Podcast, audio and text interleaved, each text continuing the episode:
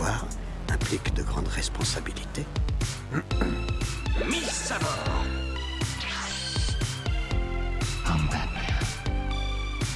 Up in the sky, it's a bird. It's a plane! It's Superman. Bonjour à toutes et à tous, vous êtes dans la bande des comics, émission numéro 31. On est ravis de vous accueillir en ce samedi matin, fin de matinée. Au programme de votre émission, cette, euh, cette, Cette fois cette fois, ouais. Cette fois, oui, c'est très Ouais, bien. c'est bien. Ouais, Bah Je oui. sais pas pourquoi. J'ai voulu non, mais- faire une envolée lyrique sur, euh, Ouais. sur un terme. Et Non, puis- mais c'est c'est bien, cette fois, c'est bien. Ouais, alors sur cette fois, vos actualités bien sûr de la BD. Euh, ensuite, on passera à nos attentes pour 2024 qu'on développera sur une deuxième partie, donc une émission spéciale de nos attentes 2024. J'ai presque peur sur, certains, sur certaines attentes de mes collègues. J'ai même peur sur les miennes des fois. Mais bon, et vous le savez, on finira sur le quiz de Gilles, qui est toujours là. Euh, nous avons une bande retenue en pleine forme, j'espère. On a, on a notre, euh, notre homme aux manettes euh, prêt et presque disposé à être bon. Tu vas pas te rater Je sais pas. Là, on va Voilà. voir. C'est la récréation pour moi hein, aujourd'hui. hein, Bonjour donc, euh, voilà. comment vas-tu ça va très bien. Voilà. Salut. On a notre euh, monsieur Gilles qui est là, gros cachotier devant l'éternel. Oui, oui, exactement, oui. Car, messieurs, dames, nous apprenons à peu près un mois après que Monsieur Gilles est devenu papa. Donc, Eh ben nous oui, félicitons tous, Merci. mais nous allons le lyncher pendant une ou deux émissions Exactement, pour son mode c'est- d'information. Donc voilà, donc il fera des actus, mais sachez que vous aurez peut-être pas toutes les infos. Il y aura des phrases coupées. Bah. Donc ça va quand même Ça va et toi Voilà, ça va, ça va. J'ai l'air presque plus reposé que toi, ce qui est quand même inquiétant quand on a l'habitude. Et notre euh, dernier zig, je dirais, avec sa plus belle casquette et son beau sourire Eh oui. et ses dents acérées Acérées. pour croquer tout ce qui, tout ce qui dépasse. Tout ce qui dépasse, c'est ça. Je t'invite à trouver le même mot on, que va en moi. parler- on va en parler justement de ce qui dépasse. Notre ami Rémi, vas-tu bien Eh bien, bonjour à tous. Oui, ça va très bien et très heureux de vous retrouver. Bon, donc vous le voyez en cet euh, début de- d'année, fin de mois de janvier, on, on retrouve nos marques, on repart et bah écoutez, la bande des comics, on est reparti. Breaking news. Il a assuré hein, sur le Oh, lancer. il- mais il est D'habitude, c'est parfait. son premier est qui, parfait. qui déconne, mais là, il, il est Premier lancé, non, il est chaud patate. Alors messieurs, qui veut commencer avec une première actualité? Rémi Euh, oui, pourquoi pas. euh, ben, la première actualité, pourquoi il rigole celui-là Non mais dis, pour une fois, pourquoi pas pour une fois que je suis prêt. Euh, c'est euh, Amazon Prime qui livre plus vite que son ombre, qui a fait la nouvelle, euh, l'adaptation de Criminal, la série polar chez Delco de Sa Majesté Ed Brubaker et Shane Phillips, qui a donc été commandé par Amazon. Euh, très très euh, heureux de cette, euh, de cette nouvelle, à savoir que Ed Brubaker a donc écrit le pilote et Bien. sera un des showrunners de la série. Ce qui peut changer beaucoup de choses. Ce qui peut changer énormément de choses. Euh, alors voilà, bon, je suis de la bande, je pense que je suis le moins série euh, euh, télévisée, on va dire. Mais du coup, voilà, Criminal, c'est pas une des séries que j'ai préférées de Ed Brubaker, mais. Voilà, Ed Brubaker pour moi c'est un, un grand nom du, du comics, du polar et donc du coup je, ah, y a, je crois qu'il n'y a pas de date encore de, de diffusion bien sûr. hein, mais, euh, Animé ou euh, non non non live, live action. Live action. Live action. Donc, euh, donc voilà, donc un très très beau morceau, une très très belle nouvelle. les bons, les bons. Moi, je connais pas euh, Criminal, j'avoue que bon, à part être Breaker, bien sûr, mais euh, tu connais euh, la série? Je l'ai pas lu non plus, mais euh, bah, j'en ai eu quelques autres, les Reckless notamment. Ouais.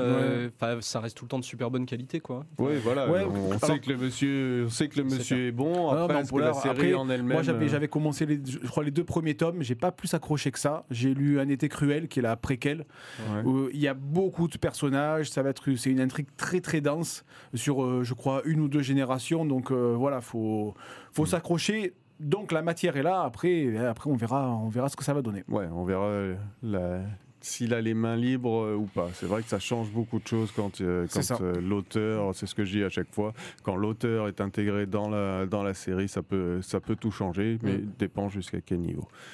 Gilles, une petite news? Oui, euh, alors moi, ça va être euh, par rapport au site Planète BD, qui pour la deuxième année consécutive a annoncé ses lauréats. Ces lauréats qui s'appellent les ovnis de la BD. Euh, il y a plusieurs euh, catégories avec des noms qui me font vraiment triper. Euh, on va commencer par euh, l'OVNI 2023 du dessin puissamment innovant et subtilement adapté à un propos pourtant pas facile, euh, qui est décerné à Sergio Garcia Sanchez pour Le ciel dans la tête. Très belle lecture. Ouais. Très, Euh, le deuxième, l'OVNI de la quoi. série au long cours qui se conclut 28 ans après avoir débuté, euh, qui est décerné à la série Carmen McCullum Ouais. euh, Wow. par Fred Duval. Ils l'ont enfin fini Euh, oui, oui, non. Justement. Justement. Euh, L'OVNI de la résurrection la plus aboutie depuis Jésus-Christ, Gaston Lagaffe. Ouais. Euh, L'OVNI du super dessinateur d'une série super avec des super, qui est décerné à David euh, pour Super Tom 7, une petite série Oui, jeunesse. là, tu m'iras ça Voilà. avec le- la rubrique, ouais. Euh, L'OVNI 2023 de la BD japonaise la plus française et réciproquement est décerné au- à Les Évaporés de Isao Ouais. Et le dernier, qui me fait vraiment triper, l'OVNI 2023 du petit cochon qui n'a pas peur de pisser sur un gros dragon, qui est décerné à Brume de Jérôme Pellissier. D'accord. Ah ouais, je vois. Je sais pas euh, si les mecs ont passé plus de temps à choisir le nom de la catégorie qu'à choisir la BD en elle-même. ouais, ouais, ouais. Mais euh, ouais, non, là, c'est les, enfin, c'est- les prix sont, sont pas mal. C'est vrai que ce côté euh, décalé, Ouais, un peu du, décalé, du ouais. titre est, est assez sympa. Ça me fait penser euh, au Parpaing d'Or. Au Gérard, euh, les c'est- Gérard. Voilà, Les les, Gé- les Gérard, Gérard, avec euh. les, les Gérard, merci, vous avez le, nom. Où la catégorie est légèrement adaptée euh, ça, aux, gagnants. Mais euh, d'accord, bah écoutez, il y a, ouais, il y, a de quoi- il y a de quoi faire. Il y a des titres dont on a parlé. Donc, euh, c'est prouve qu'on on est à la page. Ouais, on n'est pas mauvais. Sans mauvais jeu de mots. Jay, enchaîne. Une nouvelle ciné euh, concernant un film animé qui sort et qui sera sorti au moment de la diffusion de cette émission depuis euh, un jour. Vu que c'est Nicky Larson, Angel Dust, Ah, donc euh, une adaptation euh, qui va sortir au cinéma dans Mhm. toutes les salles en France, avec notamment euh, une, une version française avec toutes les voix de l'époque du dessin animé de notre jeunesse euh, qu'on va retrouver, ce qui est plutôt pas mal. Euh, mis à Mais part elle m'a Mammouth, je risqué, crois. non? Ce qui va donner Ouais. un, un côté différent, surtout. Ouais. euh, au- un axe différent. Complètement. C'est comme si tu, tu faisais un film à l'heure actuelle sur. euh, sur Okoto Ken, euh, voilà Ken le survivant, en mettant la même façon dont il parlait euh, dans, Ah oui. voilà, dans la série, tu vois Ah, le, le Ouais. truc. Donc, euh, mais, mais la dernière, le dernier film de, sur City Hunter était très bien. Ouais, avec les 4 size qu'on va retrouver d'ailleurs dans ce Mm. film-là et elle aussi il y a, y a les voix euh, les voix françaises de l'époque qu'on va retrouver aussi sur les personnages de 4 size et l'animation a l'air magnifique ils ont fait vraiment un boulot par rapport même au dernier film d'animation qui était qui était sorti Et donc euh, bon on va lui donner sa chance aller le voir en salle Oui, bah, bien sûr. Après, je trouve que généralement, tout ce qu'ils font sur Cat, Cat Size et, euh, et City Hunter, euh, c'est vraiment très très bien fait. Ils ont, j'ai jamais euh, eu de raté euh, sur ces. euh, C'est vrai sur que ces séries. euh, moi, j'ai pu, j'ai pas vu de mauvais films Mhm. Là-dedans. Après, il y en a avec des raccourcis sur les intrigues, Mhm. mais, euh, mais oui, non, c'est toujours, il y a toujours une qualité. Après, City Hunter, c'est quand même un monument au Japon, quoi. hein. Donc, Oui, oui. euh, c'est, euh, c'est au niveau de, d'un Dragon Ball ou, ou d'un truc comme ça. hein. Donc, Alors, on, est, on, est, on est sur quelque chose qui mérite et qui do- se doit d'être, euh, d'être qualitatif, quoi. tout à fait Ils ont fait un film Dragon Ball qui était pas génial non plus. Mais c'est parce que ce n'était pas, justement, ça n'était plus dans les mains des personnes qui. Et c'était pas de l'animé. Moi, je reste sur, Oui. les, je reste sur les animés. hein. Voilà, on est. Faut pas déconner non plus. Pas trop quand même. voilà. Et ben moi, j'ai une news justement qui sont Ah. sur les animés, sur Netflix. Euh, Netflix récupère la diffusion du nouvel arc de One Piece. Il semblerait que Netflix a décidé d'investir dans One Piece. oh Donc, euh, donc voilà, donc ils récupèrent euh, cette diffusion. Moi, ce qui m'embête, parce que je pouvais le regarder sur J1 euh, euh, où, où ça passait euh, dans la semaine après diffusion. Donc là, maintenant, il va falloir repasser sur Netflix pour pouvoir les voir. Euh, bon, ça, ça, ça va dans dans l'ensemble avec le, succès du, du live action qu'ils ont eu et puis bah Netflix en général, ils ont un peu le nez pour savoir là où il y a du pognon. À et, se faire, et voilà, et ils avaient besoin, et ils développent de plus en plus des, euh, des, des contenus animés. Beaucoup avec, euh, pas uniquement avec le Japon, mais avec la Corée aussi, Mhm. qui se, qui se Mhm. développe beaucoup. Vous avez dû voir Dota, euh, qui est Oui. tiré du jeu vidéo, qui a fait un succès aussi. Il me semble que Castlevania et euh, n'est pas n'est pas japonais, plutôt US, Ouais. je crois. Donc euh, non, l'animation au sens large euh, est représentée sur Netflix et le sera de plus en plus, ce qui est pas mal parce qu'ils perdent aussi des abonnés pour cela. Voilà. Est-ce qu'il nous reste le temps de faire un tour? Non, on Eh a- bah, vous le garderez sous le coude. On Ah en remettra de toute façon. On en diffuse pas mal sur nos réseaux Eh grâce oui. à, à notre responsable en chef. Exactement. Exactement, quel talent, quel talent. On va donc- Voilà, donc pour qu'il se repose, on va lui faire une, une petite pause musicale. Qu'est-ce qui nous a été choisi? Oula, Ali Aklo, Lost in Paradise de Jujutsu Kensen. Euh, saison 1, part 1, ending. Ok, bon, Ah oui. bah la chanson de fin de Jujutsu Kensen au début, quoi. Voilà, la Ok, première on va le faire comme ça. Allez, on écoute ça. Vous êtes de retour dans la bande des comics sur Radioactive que vous venez que vous pouvez écouter sur le sûr. 100 FM ou sur radio-active.net. Après les actualités, maintenant nous allons passer à notre gros dossier de cette émission, c'est-à-dire nos attentes pour 2024. Alors, bien sûr, ce sont les attentes très large, mais on va d'abord commencer en termes euh, simples de, de livres en tant que tel, quoi. Donc voilà, des titres en tant que tel, je cherchais, je cherchais le mot. Alors, on va demander à Pat Le Guen, comme tu l'appelles si bien. Eh oui, l'homme derrière les manettes, mais pas que. Alors, vas-y, toi, tu avais des titres en particulier, on t'écoute. Ouais, je vais, je vais vous en donner deux. Euh, du coup, euh, Une façon, belle paire, écoute. une très belle paire parce qu'on commence avec. euh, bon, vous vous en doutez un petit peu, on a la nouvelle édition. Il y a un Green Lantern qui revient. On a le retour de Green Lantern en France. Ça faisait très longtemps qu'on Ah. n'avait pas eu d'édition, donc euh, on est très content avec Dawn of Green Lantern qui va éditer la, la série actuelle que j'ai lue en VO et qui est plutôt très qualitative. Ouais. Donc très content de la voir dans ces fameux nouveaux albums que sort Urban Comics. Donc, il y a combien de décalage Euh, Il y a à peu près un an, Ouais, en bon, gros par mal. rapport au début, ouais. Ouais, c'est ça. C'est pas mal. Ouais, souvent sur, sur les éditions comme ça, donc c'est c'est le renouveau un petit peu de nouvelle période en tout cas chez DC. C'est écrit par Jérémy Adams, c'est dessiné par Xermanico. C'est euh, Jusqu'à dans 6 mois, quoi, en fait. Voilà. Qui recommence. Ah, qui reboot, c'est pas reboot. possible. Euh, ça, ça arrivera le 26 avril. Ah. Et euh, sinon, un indé, euh, parce qu'il il faut bien de l'indé toujours, on a des trucs super quali qui arrivent en plus. Euh, c'est un comics qui s'appelle It's Lonely at the Center of the Earth. C'est écrit et dessiné par Zoé Torgood. Ça sort Ouais. chez iComics.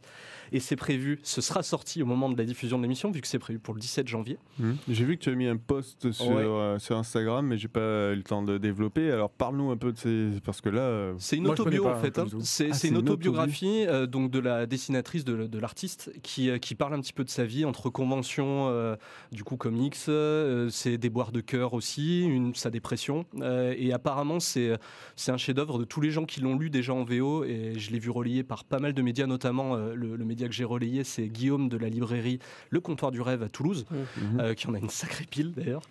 Euh. Ah, ouais, ouais, Ouais, sur les paires encore. Après, les échanges en privé ne nous pas. on lui fait coucou au passage. Oui, voilà. oui. Euh, voilà, ça a été relayé par pas mal de monde. D'accord, Voilà, bah, écoutez, très hâte de euh, découvrir ça. C'est, ça a l'air d'être vraiment Ouais. sympa, un peu en ligne claire, quoi. Très très simple. C'est pas du tout le genre de comics que je lis habituellement, mais euh, ça me donne très envie de découvrir. Eh ben, tu auras, tu auras le droit de, de chroniquer ça. Gilles, tu voulais, faire- Euh, oui, bah moi c'est tu pour. une voulais annoncer un gosse Non, c'est bon. ça, c'est dit, C'est bon. Il va prendre, il va prendre. Euh, non, non, moi c'est une attente aussi par rapport aux comics. Ah. Euh, J'aimerais bien euh, qu'une association ou qu'un particulier relance euh, le Free Comics Book Ah oui. euh, Ah oui, en France. exact, Ça vrai. fait 2-3 ans qu'il n'y en a plus et ça serait vraiment chouette. Rappelle-nous le concept du Free Comics Book. Euh, alors le concept, si je me souviens bien, c'était 10 titres euh, à offrir euh, en librairie. Mhm. Que, dès que vous passez, vous, vous pouvez choisir euh, parmi ces 10 titres un livre euh, de comics, que ce soit de super-héros ou indépendant. D'accord. Voilà, sans Donc c'était obligation. un très bon un Ouais, très bel l'extrait. appel d'offres. Moi, Ouais. je trouve que c'était- c'était euh, c'était très intéressant. Ça permettait d'aller chez le libraire, ça permettait de découvrir des choses. Mon petit regret, justement, c'était parce que c'était des extraits et pas des, tu vois, des, des petits comics, on va dire, d'une dizaine de pages de, de, de one-shot, en fait. Mm. Euh, après, je trouve que sur la fin, il y avait un peu tout et n'importe quoi. Justement, il y avait une profusion d'extraits et moi, je m'y perdais. Donc, ça, c'était un peu le, un peu le côté négatif. Mais oui, je suis d'accord avec, euh, avec Gilles. Ça serait bien que cette, euh, ben, je trouve cette grande fête du comics revienne en France. Quoi. Ça serait très bien. Bah, il va falloir vous y mettre, les gars. Ouais, parce Ouais. qu'on regarde dans les 48 heures de la bande dessinée, euh, il n'y a pas énormément de comics, si Il je y en a souviens quasiment bien. plus depuis des années. hein. Euh, euh, puis puisqu'en fait- dit les 4%. Ouais. Ouais, puis mais parce qu'en Batman fait- Vendetta, euh, je crois qu'il y en a plus. Puisqu'en fait, c'est, mal. euh, c'est les- c'est ces opérations-là ont été euh, reprises soit en nomade, soit dans les euh, prochains Marvel Pocket qui vont, qui vont sortir. Donc en fait, toutes Mm. ces deux opérations comics, euh, Panini en fait maintenant 5-6 fois par an. Euh, voilà. Ouais, euh, parce que c'était aussi souvent phagocyté par la sortie d'un film Oui, qui amène euh, sûr, tout le sûr. temps une pile de une pile de comics qui sort mais, avec. mais alors du coup, pour toi, en, en librairie, tu trouves que le, le Free Comic Book Day, ça a amené euh, vraiment des, des- des lecteurs, des, des Alors, clients? En- pour le libraire, euh, on n'y gagnait pas grand-chose. Il paraît, ouais. ouais. Parce que euh, pour nous, en fait, euh, il n'y avait pas d'obligation d'achat. Ils venaient, ils prenaient un titre, ils repartaient, euh, merci, au revoir. Mm. Bon, c'était juste l'histoire de les faire venir en librairie. Mais ça, au moins, ça faisait bouger des personnes qui n'avaient pas forcément l'habitude de venir. Mm. Mm. Euh, moi, je sais qu'il y a des personnes, euh, quand je le faisais du côté de Perpignan, ils venaient une fois dans l'année juste pour ça. Après, ils me prenaient deux, trois BD derrière parce que du coup, on discutait, on sympathisait. Mais, euh, mais un voilà. vendeur de choc. Ouais.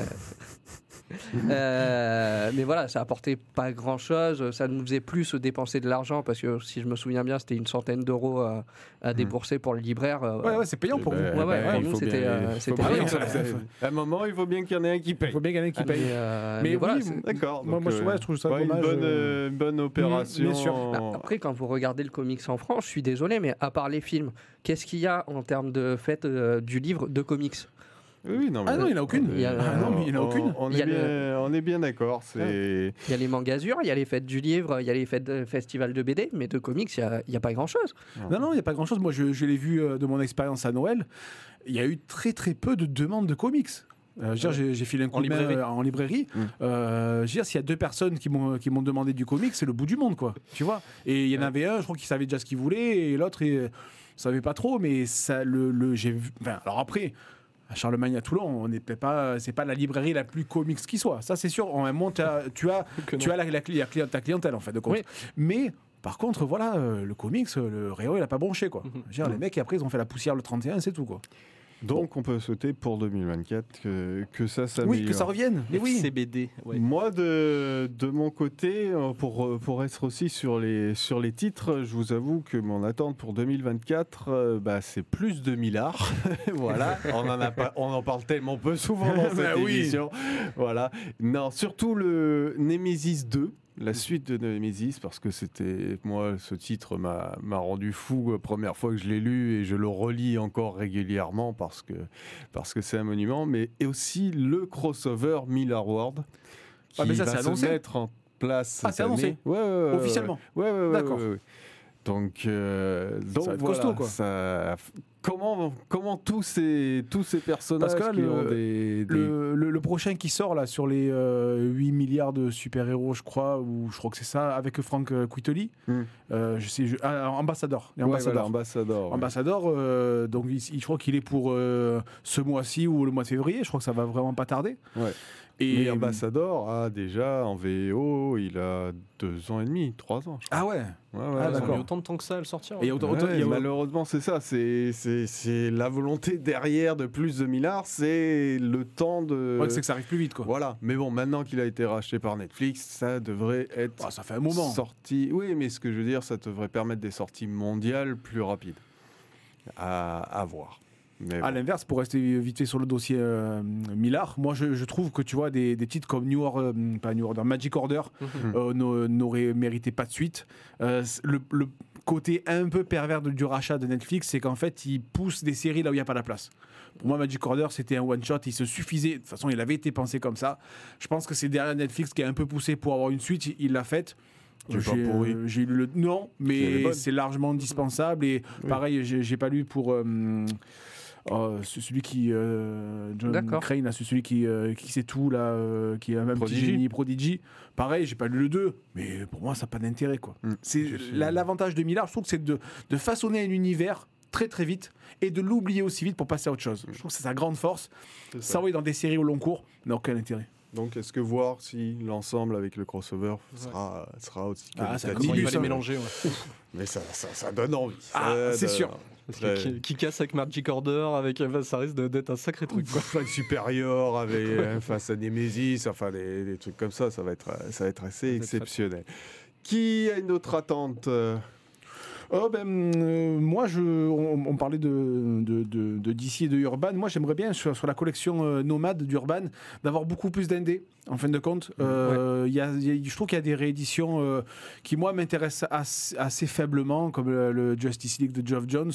Et je trouve qu'on parlait avec RD de, Preacher. Moi, Preacher, euh, vraiment, j'aimerais bien que ça fasse partie de la prochaine Impossible. vague, parce que j'avais beaucoup aimé Transmétropolitane. Et du coup, voilà, c'est des titres que, hum, que j'ai pas eu le courage d'aborder parce que quand c'était des, enfin, quand je me suis intéressé aux comics, euh, je crois que les 5 tomes étaient déjà parus. Donc on sait que sur les tomes librairie, ça coûte un certain prix. Mm. Et là, je me dis, ouais, vraiment, euh, je trouverais ça, le, tu vois, que ça serait très très sympa qu'ils nous le reproposent en nomade. Je sais plus ce qu'il y a dans la prochaine vague, mais il y a encore des, des bonnes choses. Donc, euh, Planetary, euh, Super Ah, voilà, c'est- c'est Planetary que je Dark Knight essayer. Returns. et Super qu'est-ce que ça fout là, il y a pas Y aussi le dernier Euh, il y a la fin, le dernier, Mais voilà, mais typiquement Super qu'est-ce que ça fout là? Enfin, je veux dire, c'est Ah, sorti. c'est pas mal, hein, non, Super mais c'est sorti il y a, y six mois en librairie. euh, pff, voilà, Ils vont draguer un peu les, les lecteurs de manga pour le coup là. Parce que le dessin de Jorge ouais, Jiménez, il est. Allez, pourquoi on, pas on en revient toujours au même point. on Oui, plus oui, on le est plus. cœur de cible.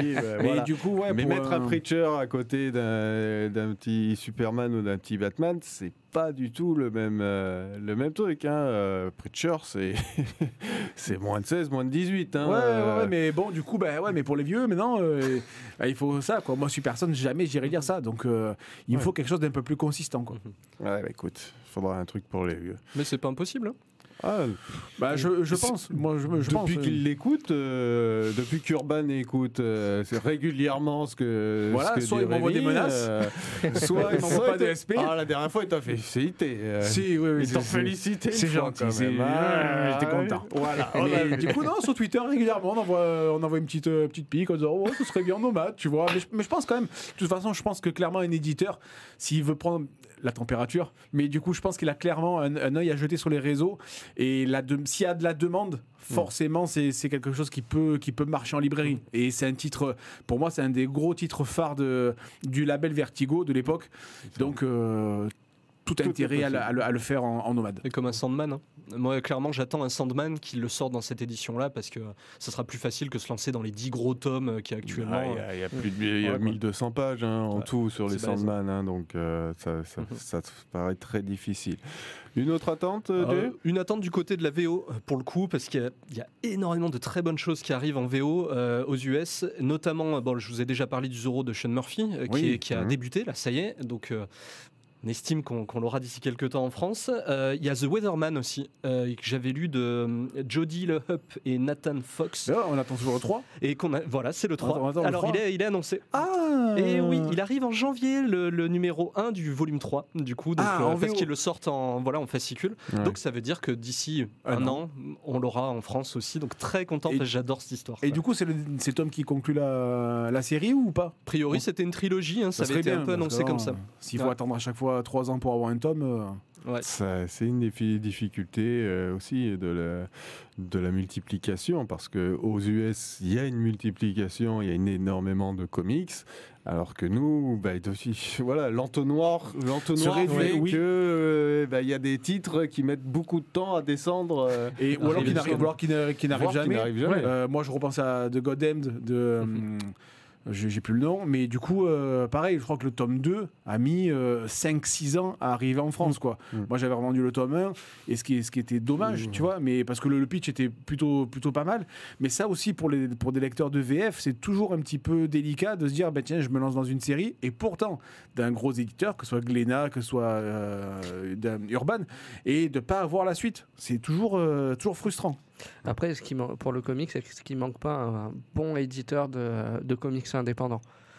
En Non, ils y sont. Il y en a sont- plein aux US et en France maintenant, on commence à en avoir En pas France, mal. hein. euh, Ouais. Ah, euh, bah, tu sais, les iComics, les 404 qui nous font des choses incroyables. Oui, ce c'est vrai, ouais, très Il y a Au-dedans qui est, qui est sorti là, le- de Will McPhail.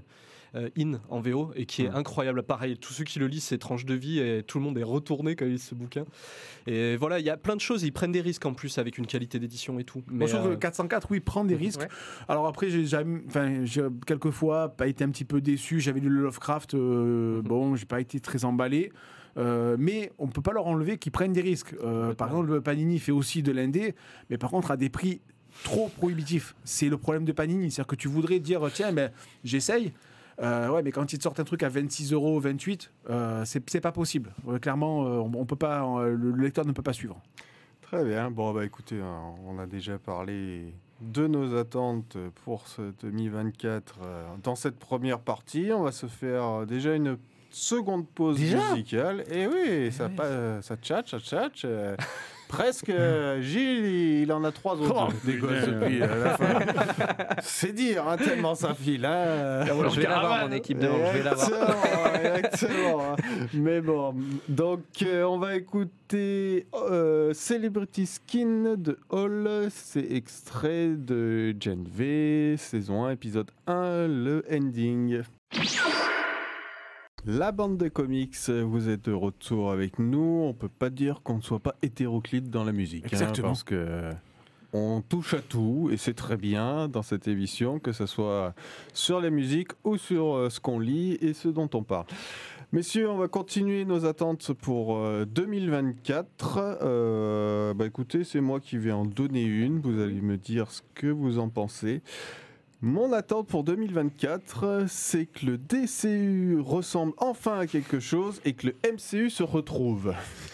Je On ne avait noté la même chose. J'ai noté la même Ouais, chose. non, mais on en est tous Sans là, quoi. euh, voilà, eh, le, MC, le DCU nous promet, enfin nous donne envie depuis la prise en main par James Gunn. Mm. Euh, voilà, bon, il faut laisser mourir ce qui restait encore en vie, euh, difficilement, style Aquaman 2. euh, Ah, j'ai pas eu le qui- courage. moi non Franchement, non, non, là. euh, J'attendrai, euh, voilà, Voilà, qu'il pareil. soit diffusé à la télé. Le ça résumé Wikipédia. bien, et très- bah, carrément, sera et sans amplement- image. amplement suffisant. D'accord. Et le MCU se retrouve avec cette nouvelle politique qui est maintenant de passer au plus qualitatif que du quantitatif. Voilà, je sais. C'est c'est une belle promesse dans les deux cas. Est-ce qu'elle sera tenue? Je ne sais pas. J'avoue que euh, je ne sais pas si la folie entre guillemets de Gunn sera suivie sur sur, sur tout l'ensemble. Vous voyez ce que, ce que Sur je veux l'ensemble des films et séries qui sortiront, veux Ouais. dire, ouais. Ouais, ouais. Il a fait, il a fait, un il a fait des très bons, des très bons trucs. Hein. Euh, Faut, faut, faut reconnaître que les Gardiens de la Galaxie, personne ne Oui. les attendait et qu'il en a fait quelque chose de très Mhm. bien. Euh, son Suicide Squad, moi, m'a bien fait marrer, surtout après la catastrophe du premier.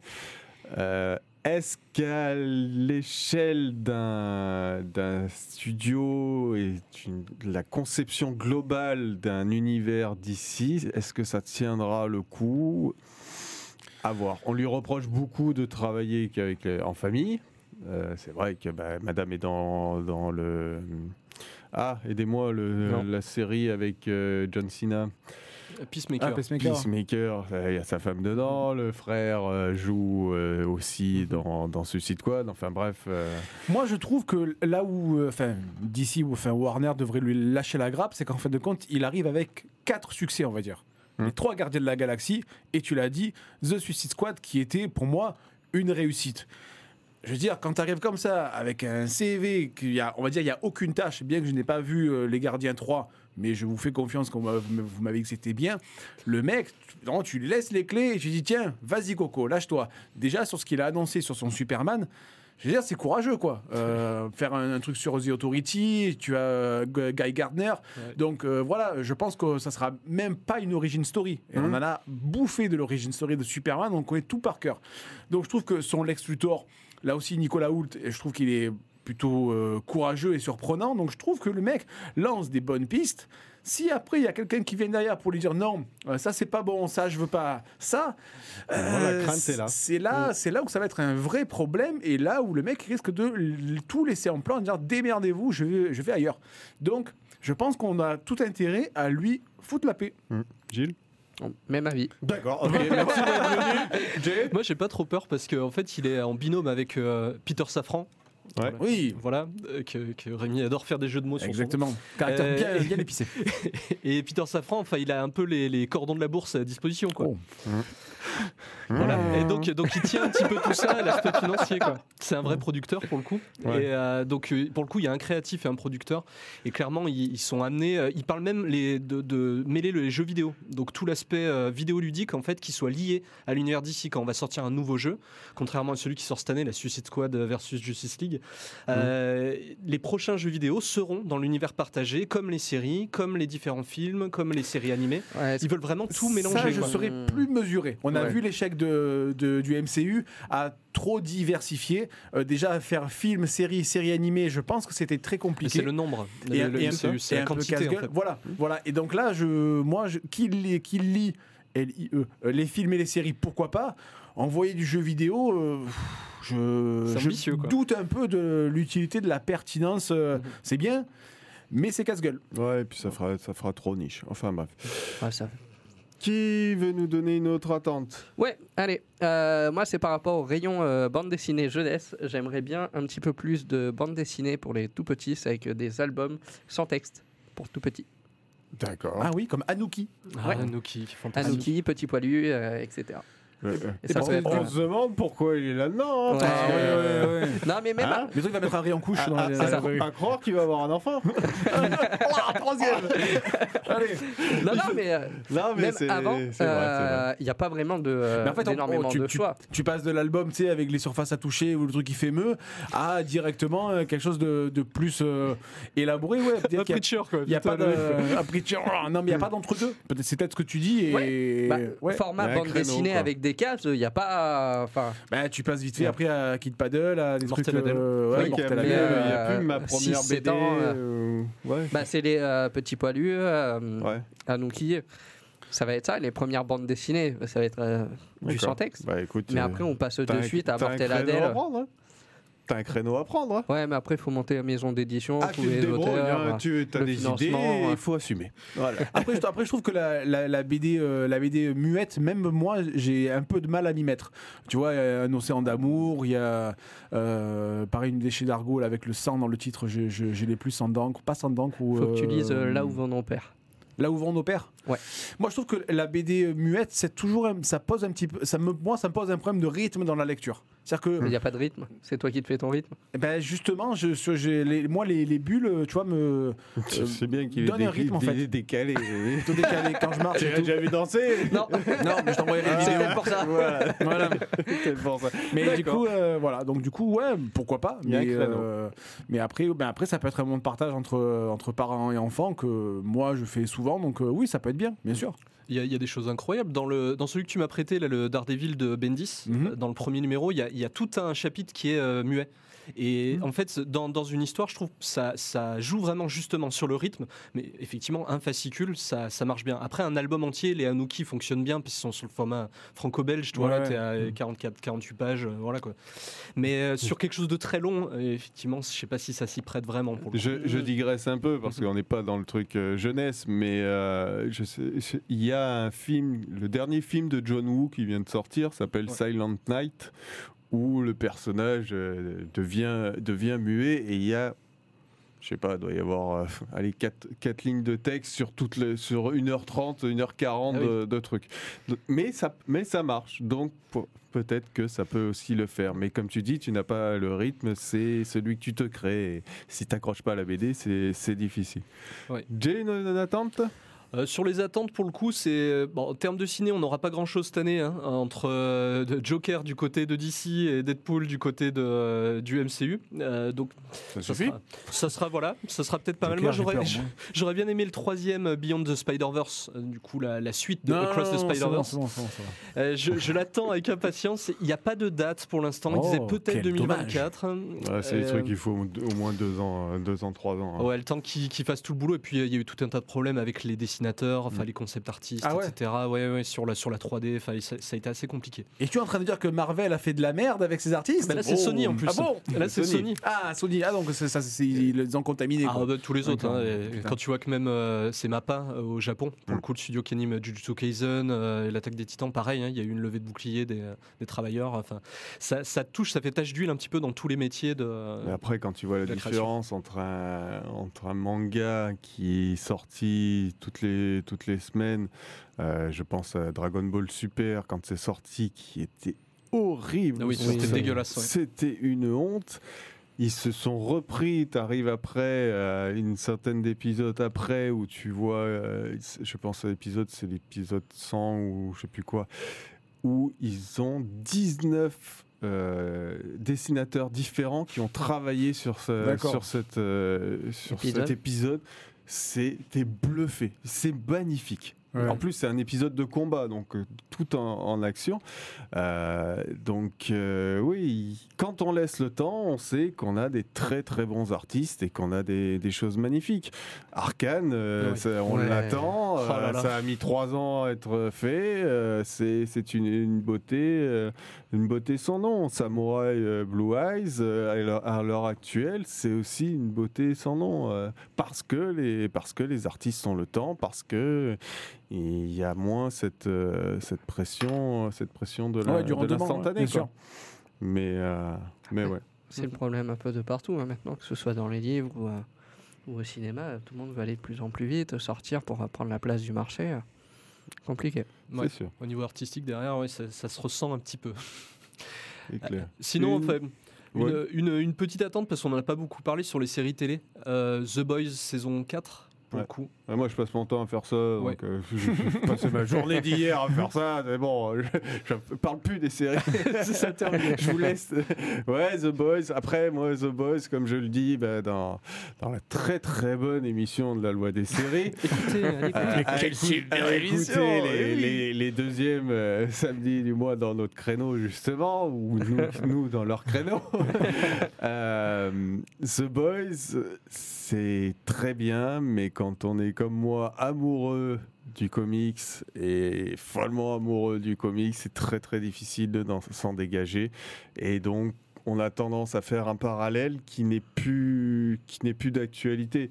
Gen V, c'est pareil. Mhm. Quand euh, c'est plus c'est pas du tout d'actualité, c'est pas du tout comparable avec la partie euh, où on voit l'université dans, dans The Boys.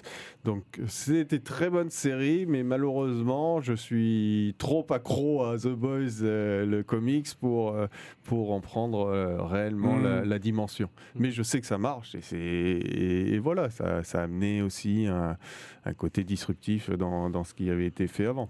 Tout à fait. Tu, peux- tu, tu regardes toi The Boys? Non. Non, bah, t'as des choses à faire. Moi, j'ai vu la- euh, j'avais commencé la première saison et Ouais. j'avais été plutôt emballé du ton. euh, voilà, que ça cassait un peu les codes. euh, donc, euh, voilà, si j'avais pu, j'aurais continué. J'ai toujours un petit problème avec les, les séries, c'est que manque de temps. euh, mais, euh, mais du coup, euh, ouais, ouais, plutôt, plutôt emballé de. The Deep aussi du- est pas mal emballé du par le ton. D'accord, Par le ton. le ton. D'accord. C'était de un choix. voir, euh, Ça, tu la garderas, tu Oui, oui, on la gardera. Ouais, J'en ferai, j'en ferai un cadeau. La meilleure de 2024 déjà. Exactement.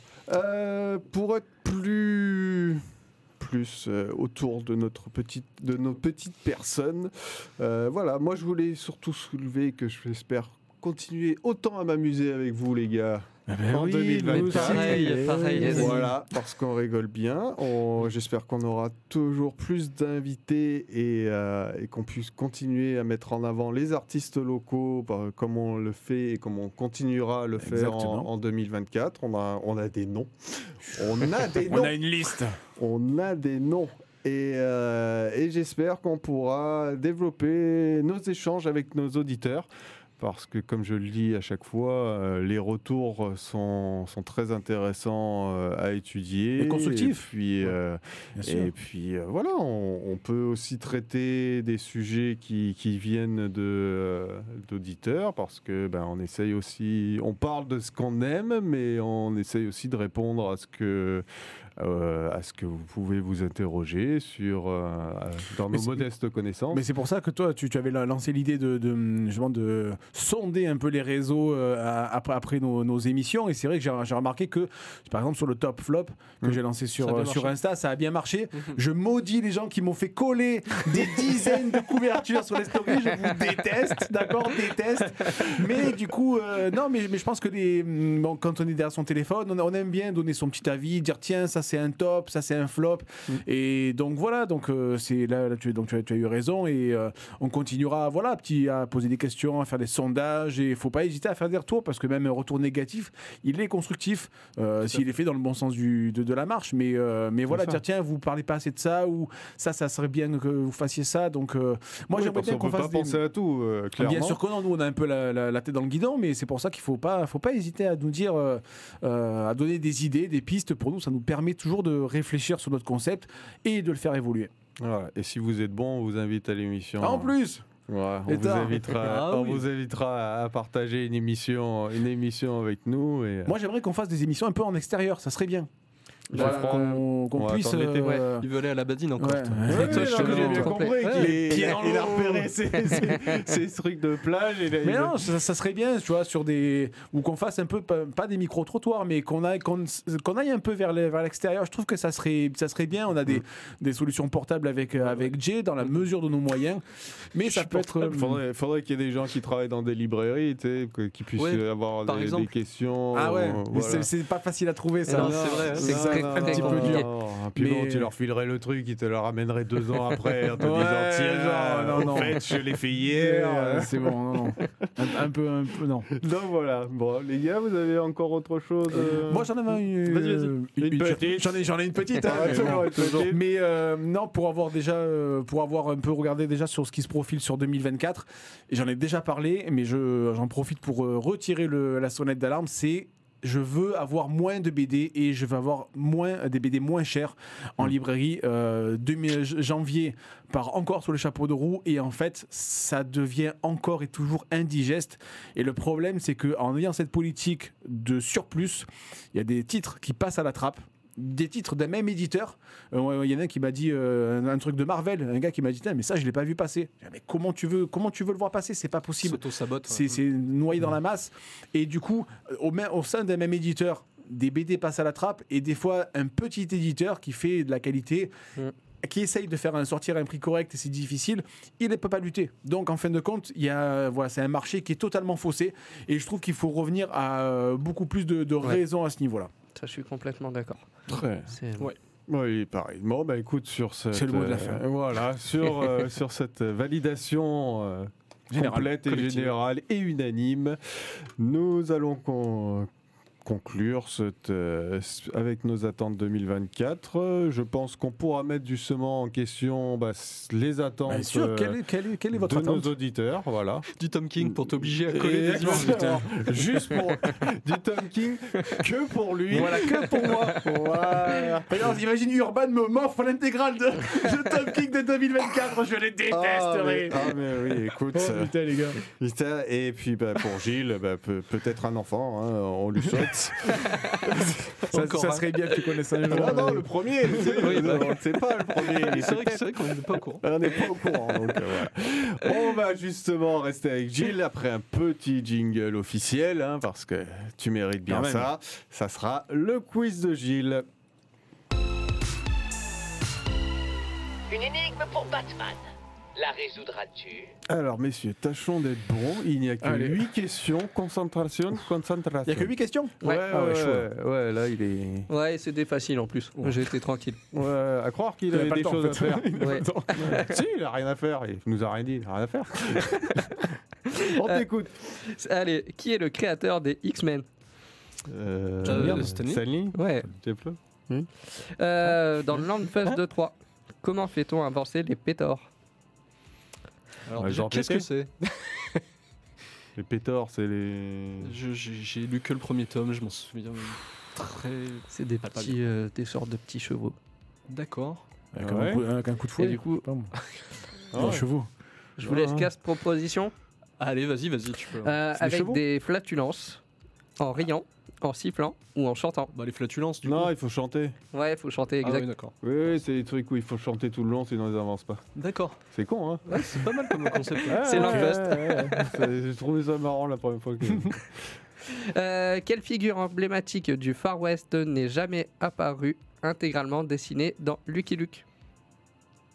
Intégralement dessiné, c'est-à-dire euh, Il manquait toujours, euh, on le voyait jamais en entier. jamais en entier? Billy the Kid. Non, on la. C'est- Calamity Jane, non On la voit Euh, entière. Euh...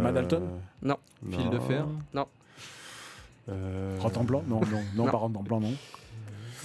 Proposition? Ah, vas-y, vas-y. Euh, Calamity James, Jess James, Will Ah. Bill Hitchcock ou Doc Holliday? Jesse James? Donc, quelle idée Non. Euh, donc, Buffalo euh, Bill Il est pas là. David Croquette Ouais, pas non plus, Eh ben non. non, c'est Napoléon. Quoi C'est Will Bill Hitchcock. D'accord. Ah, ok. Euh, comment s'appelle le propriétaire de Garfield? Oh la vache. Je vais John. pas demander si. James. Non, c'est- non, c'est John le. le- Ouais, mais est-ce ouais, que t'as ouais. la suite? Ah, ce- le nom complet Ouais. Ah, ça, je t'ai sorti Ah, John, quoi. John, franchement, là, moi je lui accorde. hein, euh. Je sais pas. Euh... Euh, bon, allez, La suite, c'est Arbuckle. Ah. Déjà, j'avais John, euh, c'est un, ça revient de je sais pas où. Ouais, tu regardes à la télé. Il y a une série Non, Garfield, je lisais les. ouais. euh, euh, ouais, qui va sortir là du coup euh, cette année, une série d'animation Ah ouais Garfield. Ouais, Exact. j'ai- Encore Ouais, ouais, j'ai. Hop, la Vu passer ce cinquième de truc-là. suite. Euh, question de rapidité. Quel moyen de locomotion utilise Little Kevin? Moto. Tricycle. Plus, ouais, parce que c'est plutôt son père qui roule en. Eh, En moto. tricycle, je suis désolé. Porte une réclamation Porte réclamation. Un tricycle Harley Davidson. C'est quoi ton gosse à 3 ans, tu le mettras sur une moto moto, et on en reparle. D'accord. Ah, peut-être qu'il avait raison. Et on en reparlera. Euh, qui est l'ami asiatique de Gaston Lagaffe? Chang. Non. Non. Non. C'est Tintin. Euh, comment il s'appelle, oui euh, Asiatique. L'abbé vu euh, il a pas du tout un nom asiatique. Mais non, asiatique. non. C'est pas l'abbé vu euh, Ah, non, si. non. Si, C'est Si, l'abbé c'est vu. Ouais, eh oui, Bertrand l'abbé vu. Ouais, Bertrand l'avait vu. T'es sûr? Eh oui. Eh oui. Il est avec Jules de chez Smith en face et toute la bande. Bon, ok. euh, Ouais. j'avoue que pas trop, pas assez de connaissances là-dessus pour. D'accord, d'accord. Non, mais. euh, La dernière Allez. Ouais, Vas-y, oui. vas-y. Euh, Question de rapidité aussi. Comment s'appelle le premier bateau du capitaine Luffy dans One Piece? Le Vogue Mary Non. C'est pas le premier Non, Si, c'est- Si, c'est le Vogue Mary. c'est Vogue Mary Bah, Ouais. oui. Ah bon, ok, bah écoute, euh, félicitations. Merci. Bon, je pense que. Il, Ouais, euh, ouais, hein, allez, c'est pour ouais, C'est pour Jay. C'est hein. pour lui cette fois-ci. Ah, ça va, ça va, on on l'accepte, c'est bon. Ouais, Pas de réclamation. Non, non, c'est bon. Non, non. Qu'une par émission. Déjà Voilà, peut pas te- on peut plus te jeter de cacahuètes derrière ta vie. C'est ça, on ça, laisser- c'est frustrant. Hein. Il faut lui laisser des petites victoires. Donc pour C'est ça. 2024, je vais enlever la vitre, moi, par exemple. Sans plus jeter des Voilà. choses. Bah, tu t'arrangeras avec le président. hein, Je vais euh, faire une demande écrite, tiens. on est dans les travaux, profite. Hein. C'est le bon moment, je pense. Ça sort, ça sort. Bon, bah, messieurs, encore une, euh, une bonne émission. Bah oui, comme toujours. Un, un régal de passer un peu de temps avec vous. Euh, chers auditeurs et auditrices, vous pouvez retrouver la bande des comics en podcast sur euh, à peu près tout, c'est ça, Jay? Oui, on peut le retrouver sur Spotify, Deezer, PodCloud, Apple Podcast, euh, Google Podcast, euh, un petit peu partout. Voilà. Et YouTube, Et sur la chaîne de YouTube pour voir nos tronches, euh, ce qui Eh n'est oui. pas forcément la meilleure. euh, des- Coucou maman Voilà. Sans les mains Exactement, mais vous pouvez nous voir et, et comprendre des fois pourquoi on, on rigole et que vous pouvez pas suivre. Ça. Voilà. Messieurs, je vous dis à la prochaine émission 32, donc début février. Et bah, d'ici là, portez-vous tous bien et une bonne fin de journée. À bientôt. À bientôt. à Ciao. bientôt